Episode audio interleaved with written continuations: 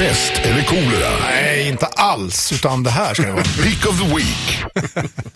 Jaha, är det klart där? Ja. Mm.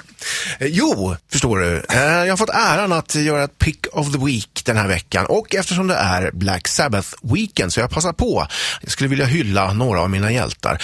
Och alltså min favoritperiod när jag växte upp det var ju eh, med Ozzy Osbourne som sångare. Ja, såklart. Jag träffade honom en gång. Jaså, har Ja, det? ja, på 80-talet.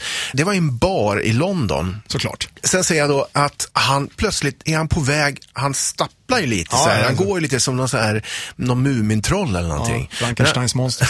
ja, och så är han på väg mot mig och tänker, fan vad coolt liksom. Kommer fram och snackar lite, för jag stod lite själv så att det är ingen annan han går emot. Ah, så ja, okej.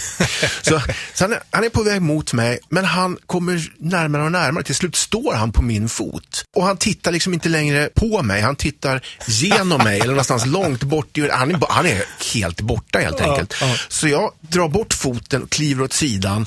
Och då fortsätter han att hasa sig fram där liksom, tills han kommer till en vägg. Där han blir stående.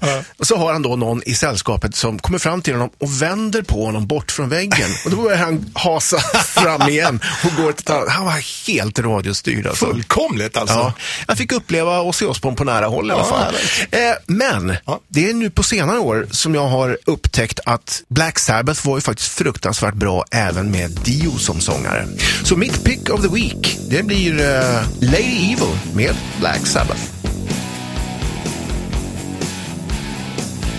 Rockklassiker. Klassiker. Ett poddtips från Podplay. I fallen jag aldrig glömmer djupdyker Hasse Aro i arbetet bakom några av Sveriges mest uppseendeväckande brottsutredningar. Går vi in med hemlig telefonavlyssning och, och då upplever vi att vi får en total förändring av hans beteende. Vad är det som händer nu? Vem är det som läcker?